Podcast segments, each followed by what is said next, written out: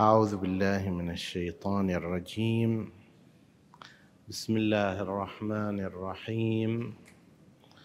والصلاة والسلام على أشرف الأنبياء والمرسلين محمد وعلى أهل بيته الطيبين الطاهرين.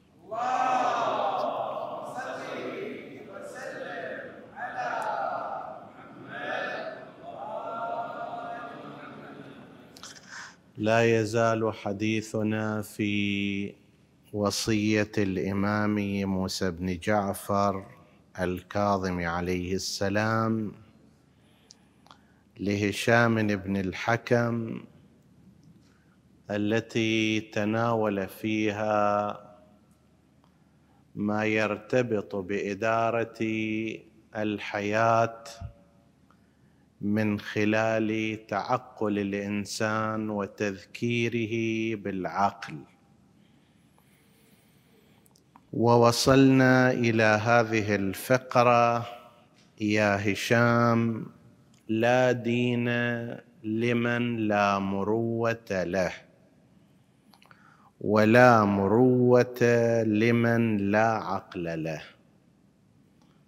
وإن أعظم الناس قدرا الذي لا يرى الدنيا خطرا لنفسه. هذا التعبير لا دين لمن لا مروة له ولا مروة لمن لا عقل له. في الروايات يتكرر هذا النمط. مثلا لا صلاة إلا بفاتحة الكتاب. لا صلاة إلا بطهور. لا صلاة لجار المسجد إلا في المسجد. لا صدقة وذو رحم محتاج. وامثل لا بيع إلا في ملك كثير من الروايات بهذه الصيغة تنفي بلا. غير المختص والعارف بطريقة المعصومين في التعبير وربما يأتي على الفور فيقول لك لا صدقة وذو رحم محتاج يعني أن الصدقة غير مقبولة ولا يجوز لك أن تتصدق والحال أن عندك أرحام محتاجين. أو يرى مثلا رواية لا صلاة لجار المسجد إلا في المسجد فيقول لك نعم هذا يقول لك أن هذه الصلاة لجيران المسجد إذا كانوا يصلونها في بيتهم فهذه ليست بصلاة وليست مقبولة. ولكن هذا الأمر غير صحيح. مثل هذه التعابير فهمها يحتاج إلى أنس بطريقة المعصومين في التعبير عن المعاني التي يريدونها وهذا إنما يتم بكثرة الممارسة والقراءة والإطلاع. ولهذا نؤكد ونصر على أن الإنسان لا ينبغي أن يتسرع في الموضوع الديني فيفتي من جيبه. شاف قدامه بعد واضح لا صلاة لجار المسجد إلا في المسجد يعني صلاة باطلة. طيب ليس الأمر هكذا. إما أن الإنسان نفسه يكثر من قراءة الأحاديث والروايات هذه حتى يتعود على نفسها ولحنها. ولتعرفنهم في لحن القول يصير عنده وإما إذا لا فليرجع إلى من هو مختص في الأحاديث والروايات. وعلى كل حال العلماء في مثل هذه التراكيب الحديثية قالوا إن النفي هنا الذي يبدأ بكلمة لا تارة يكون نافيا لحقيقة الشيء وأصل الشيء وأخرى يكون نافيا لكماله. وهذا قد الإنسان مباشرة المختص يعرفه وقد يحتاج إلى مراجعة روايات أخرى مثلا يقولون هناك فرق كبير بين لا صلاة لجار المسجد إلا في المسجد وبين لا صلاة إلا بطهور. لا صلاة إلا بطهور يعني هذه الصلاة ليست صلاة. لا تسمى صلاة لو أن إنسانا أتى بهذه الركعات والسجدات والقراءة من دون أن يكون على طهارة حدثية من دون أن يكون على وضوء من دون أن يكون على غسل لو كان مجنبا مثلا. فهذه أصلا مو صلاة أصلا مو صلاة. ومن خلال هذا مثلا بعض العلماء استنتجوا أن فاقد الطهورين لا يجب عليه صلاة. فد إنسان لنفترض في مكان ما عنده ماء والتراب اللي موجود مثلا نجس. أو لا يوجد تراب بحسب الفرض أو ما يتيمم به. هنا قسم من العلماء قالوا بأنه يصلي بدون طهور ثم يقضي ولكن قسم آخر قالوا لا أساسا هذا ليس مخاطبا الآن بالصلاة وإنما يصليها فيما بعد. هاي الصلاة اللي يصليها بدون طهور أصلا مو صلاة هذه. اعتمدوا على روايات منها هذه أنه لا صلاة إلا بطهور يعني كل صلاة ليس فيها الطهارة بمعنى الوضوء أو الغسل هذه مو صلاة. ولذلك سواء كان متعمدا أو ناسيا أو ساهيا أو مضطرا. أي مو صلاة أصلا. ليش؟ قالوا لأن النفي هنا نفي للحقيقة. حقيقة الصلاة غير موجودة.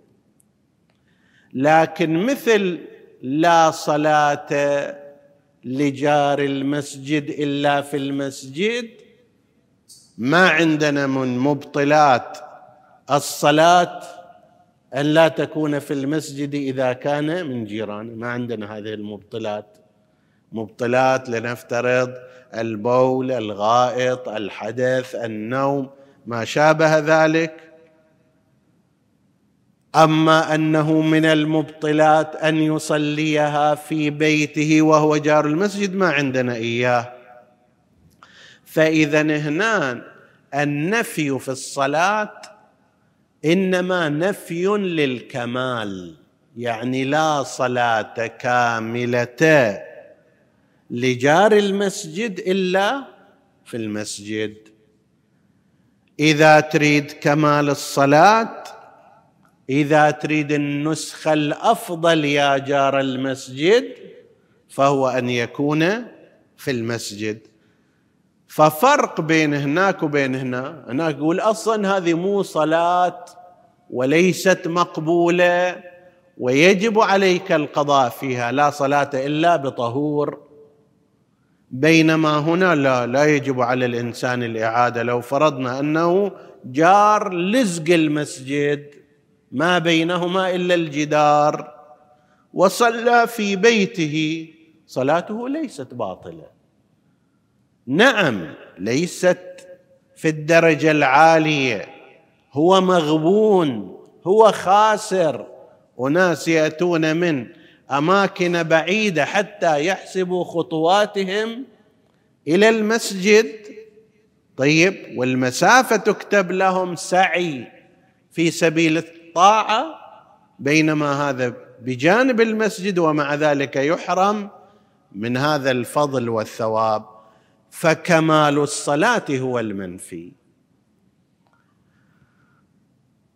والاستخدام موجود تارة ينفي حقيقة الشيء وأخرى ينفي كمال الشيء. ما نحن فيه؟ لا دين لمن لا مروة له مو نفي لحقيقة الدين. وأصل الدين وإنما نفي لكمال الدين. الإنسان اللي ما عنده مروة دينه ناقص دينه غير كامل دينه غير جيد درجته في درجة نازلة. لا دين لمن لا مروة له. سنجي بعد قليل إلى الحديث عن المروة. زين المروة منين؟ نجيبها نجيبها من العقل تعقل الإنسان ولا مروة لمن لا عقل له. لأنه يحتاج الإنسان لكي يحصل على المروة أن يحكم عقله في كل مورد من الموارد فينتخب الأصلح والأنسب بالنسبة إليه دينيا بالنسبة إليه كشخصية معينة بالنسبة إليه في ظل وضعه الاجتماعي حتى يحقق المروءة. مروءة شنو هي؟ المروءة هي المصدر اللي يشتق منها المرء. أي إنسان رجل كان أو امرأة يقال له مرء طيب هذا لازم يكون عنده مروءة. مروءة شنو؟ إذا نريد نعبر عنها بتعابيرنا القريبة نقول عنده رجولة بالنسبة إلى الرجل. عنده شهامة. عنده احترام لنفسه. عنده اتزان في ذاته. فلا يرتكب هذا الإنسان شيئا. حتى لو كان حلالا من الناحية الشرعية مما يخدش مروءته رجولته اتزانه شخصيته. وهكذا الحال بالنسبة إلى المرأة. الآن لو أن شخصا مثلا رجلا سريا شخصية اجتماعية خرج إلى السوق وهو يلبس على سبيل المثال فانيلة ملابس داخلية فقط. هل ارتكب حراما ما ارتكب حرام لأنه ساتر لعورته. ولكن هذا من أشد ما يخدش مروءته. الناس يجون إلى شنو هذا؟ أبو فلان حج فلان وش صاير عليك؟ كيف تأتي إلى السوق وأنت بهذه الصورة؟ ما يعبأ بكلام أنه خب أنا ساتر للعورة وبالتالي ما ارتكبت شيء حرام يقال له هذا من خوادش المروءة. يخدش مروءتك حتى وإن كان حلالا. يعني مو كل شيء حلال يستطيع الإنسان أن يصنعه في كل مكان وفي كل مجتمع. بعض الضوابط الأخرى الاجتماعية. أن يجعل الإنسان نفسه مثلا محلا للسخرية. ما يخالف نكتوا علي وتمضحكوا علي وما شابه ذلك. يقول غير حقي هذا أنا أرفع هذا الحق. لو أنت على سبيل المثال تمسخرت علي وتمضحكت علي بين الناس ما عندي مشكلة. هذا خلاف مروءة الإنسان. أحيانا في الملابس ملابس الإنسان قد تكون خادشة للمروءة. أحيانا حركات الإنسان خادشة للمروءة. كلام الإنسان أحيانا يكون خادش للمروءة. طيب مع أنه في بعض الحالات قد لا يكون حراما من الناحية الشرعية طبعا في بعضه أيضا يختلف. على سبيل المثال في بعض مجتمعاتنا أن يخرج الإنسان على سبيل المثال كاشف الرأس إذا كان عالم دين على سبيل المثال. في وسط المجتمع يعدون هذا الشيء غير طبيعي. لكن نفس هذا العالم فرضنا لو كان يعيش في بلاد الغرب عندهم هناك أن يكشف رأسه شيء طبيعي لأن كل الناس لا يعدون هذا مما يؤثر على شخصيته مما ينزل من مقامه. فأي حركة أي تصرف أي كلام أي هيئة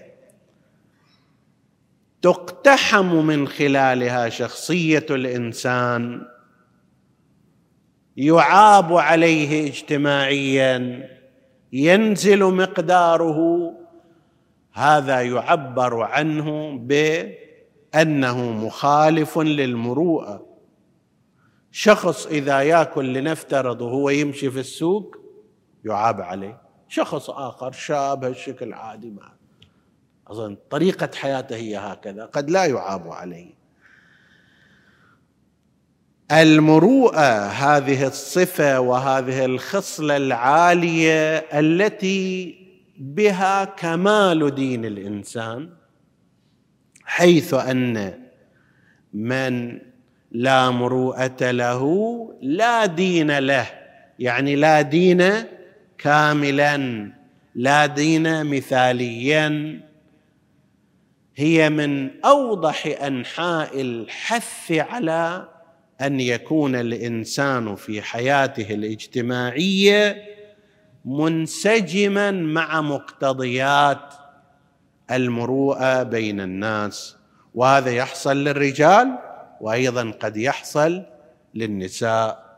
طيب ولا مروءة لمن لا عقل له. كيف تجي هي المروءة عندما يحلل الإنسان ويتفكر أنه هل هذا التصرف في هذا المكان ينسجم مع شخصيتي مع متبنياتي الأخلاقية مع وضعي العام مع قبول المجتمع أو لا؟ هذا يحتاج إلى تفكير يحتاج إلى تعقل يحتاج إلى تحليل. لذلك الذي لا يمتلك ذلك العقل الناضج لا يستطيع أن يتعرف على خوادش المروءة. وخوارم المروءة وما يخل بها. الإمام عليه السلام يقول يا هشام لا دين لمن لا مروه له ولا مروه لمن لا عقل له. وإن أعظم الناس قدرا الذي لا يرى الدنيا لنفسه خطرا. كم قيمتك أنت في نفسك؟ وكم قيمتي أنا في نفسي؟ أكو قسم من الناس ما عنده مانع أن يرى قيمة نفسه بمئة ريال. شاهد على ذلك. إذا يقولوا له هل حاضر ننكت عليك ونعطيك مئة ريال؟ ما عنده مشكلة. هل حاضر أن نهينك بشيء؟ ونخلي لك مئة ريال؟ كذلك. وأمثال هذا ممن لا يرى لنفسه قيمة حقيقية. فهو ما عنده مانع من الذلة ما عنده مانع من الإهانة ما عنده مانع من الشهوة ما عند أن يريق نفسه على أبواب الشهوات على أعتاب الإهانات على غير ذلك في مقابل شيء بسيط. وأكو أناس آخرون أمثال السامعين والسامعات لا.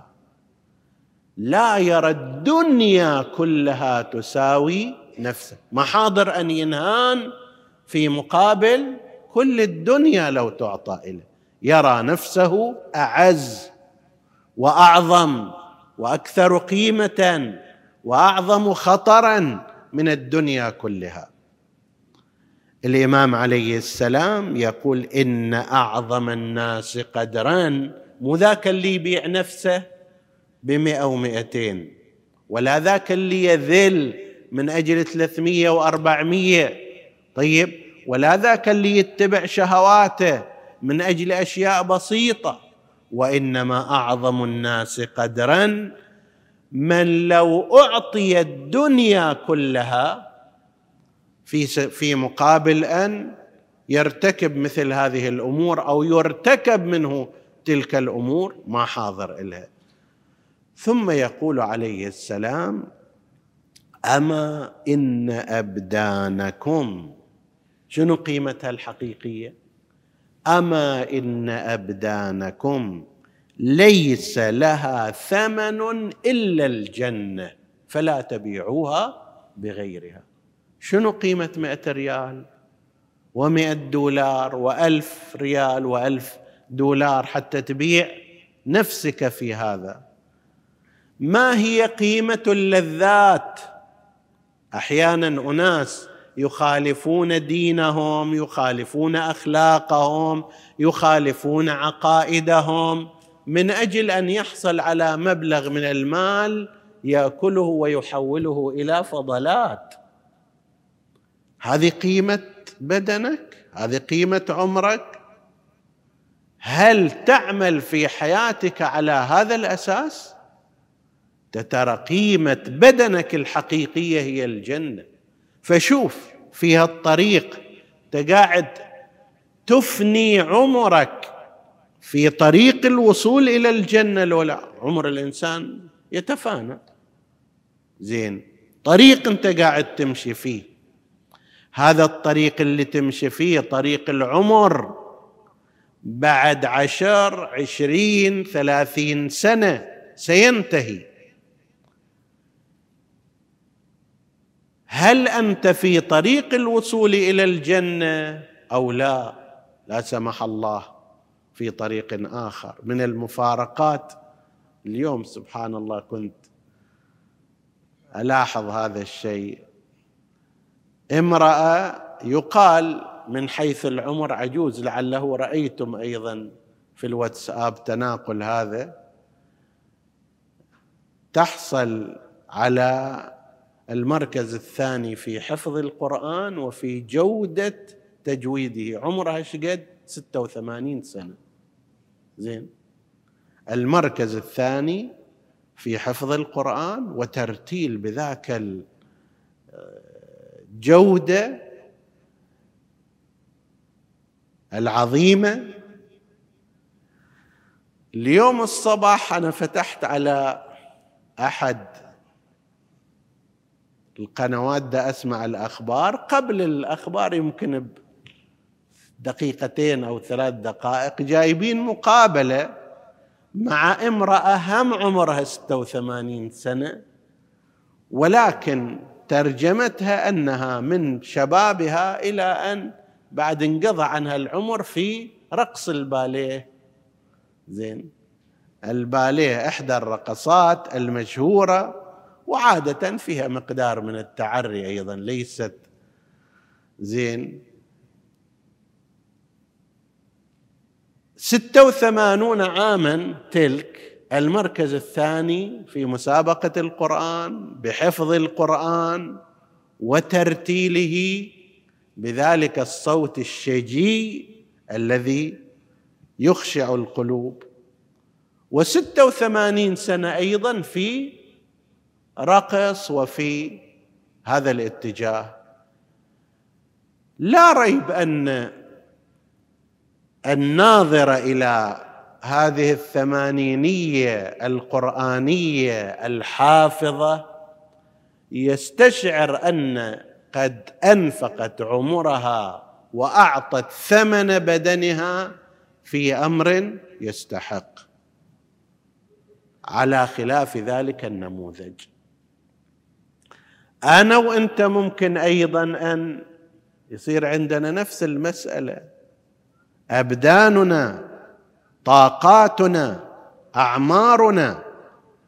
ما هو الثمن الذي نحن نقدمها فيه؟ قطعت وقطعت ربما أكثر من ثلثي أو ثلاثة أرباع العمر. هل قطعت من الطريق إلى الجنة أيضا ثلاثة أرباع المسافة؟ واعلموا أن أبدانكم ليس لها ثمن إلا الجنة.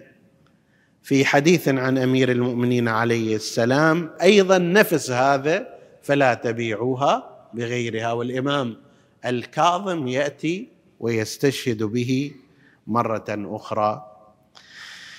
يا هشام إن أمير المؤمنين حضور أمير المؤمنين عليه السلام في هذه الوصية حضور متميز. قرأنا أكثر من فقرة الإمام الكاظم يستشهد بقول جده أمير المؤمنين وذكرنا في وقت سابق لماذا يستشهد إمام بقول إمام سابق مع أن حجيتهما الشرعية واحدة. ما يحتاج يروي. ذكرنا هذا في مكانه فلا حاجة للإعادة.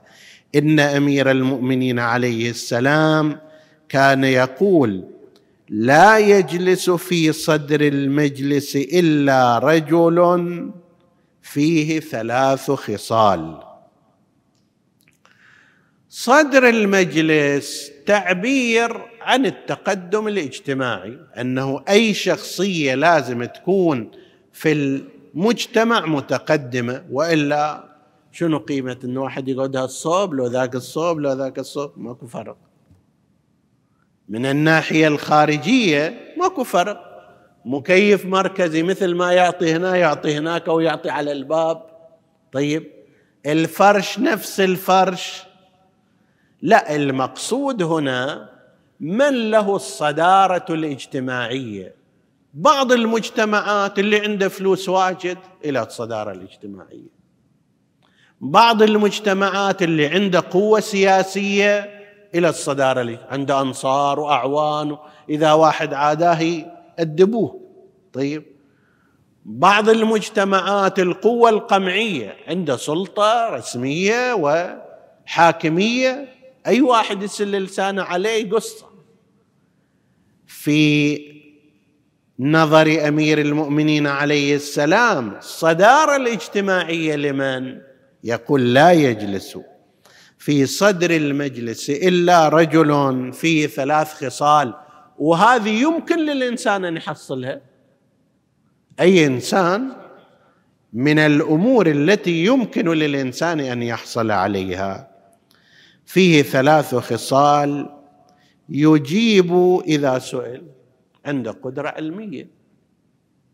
العالم في كل مجال هندسة مجتمع هندسي لازم يتصدر فيه المهندس الأكبر لأنه سيسأل عن مسائل في هذا الاتجاه. في الطب مهندس طبي دكتور في الطب عالم في الطب لأنه سيسأل فيه. في أمور الدين أيضا هو كذلك. وأنت ترى موضوع المرجعية عند الشيعة بالذات من أوضح هذه الأمثلة. لا شخص قريبك ولا من بلدك ولا حتى أحيانا من أهل لغتك ولكن مع ذلك هو له الصدارة. لماذا؟ لأنه يجيب إذا سئل. وينطق إذا عجز القوم عن الكلام. عند رؤية عند فكرة لا يجيبك بأنه في كل مسألة في كل قضية أنا ما عندي خبر وما عندي كذا واسأل غيري. ويشير بالرأي الذي فيه صلاح أهله. مو أيضا أي كلام يجيب حسب التعبير. طيب. وإلا من الممكن أن يجيب إنسان إجابات غير سليمة. أحدهم قال أي مسألة تريدون اسألوني؟ واحد تحدى. فقال له كم عدد النجوم؟ قال له 17 مليار و650 ألف واثنين. قال له من وين هذا؟ قال ما تصدق روح روح اصعد احسبها. إذا ما طلع عدل تعال قولي لي. مو أي جواب هو مطلوب وإنما الجواب الصحيح والرأي الذي فيه صلاح أهله. هو مشكلة اللي فيه صلاح أهله هذا وين واحد يحصله؟ وإلا ما أكثر أهل الآراء. وما أكثر المتحدثين وما أكثر المتكلمين. ولكن أنت تشوف الآن هذه أوضاعنا الاجتماعية في بلادنا الإسلامية. ماكو أحد يحكي أكو أحد يحكي. ماكو أصحاب آراء أكو أصحاب آراء. ولكن كثير منها ليس فيه صلاح أهله. فمن لم يكن فيه شيء منهن لا أنه عالم يجيب إذا سئل. ولا أنه ناطق ينطق إذا عجز غيره عن الكلام. ولا أنه صاحب رأي فيه صلاح المجتمع. إذا هالثلاثة أمور ما توفرت ومع ذلك جت ترزز في وسط المجلس وما يقبل أحيانا. إذا ما تخليه في المكان الفلاني يزعل. كيف ما ما احترمني ما وقرني ما كذا.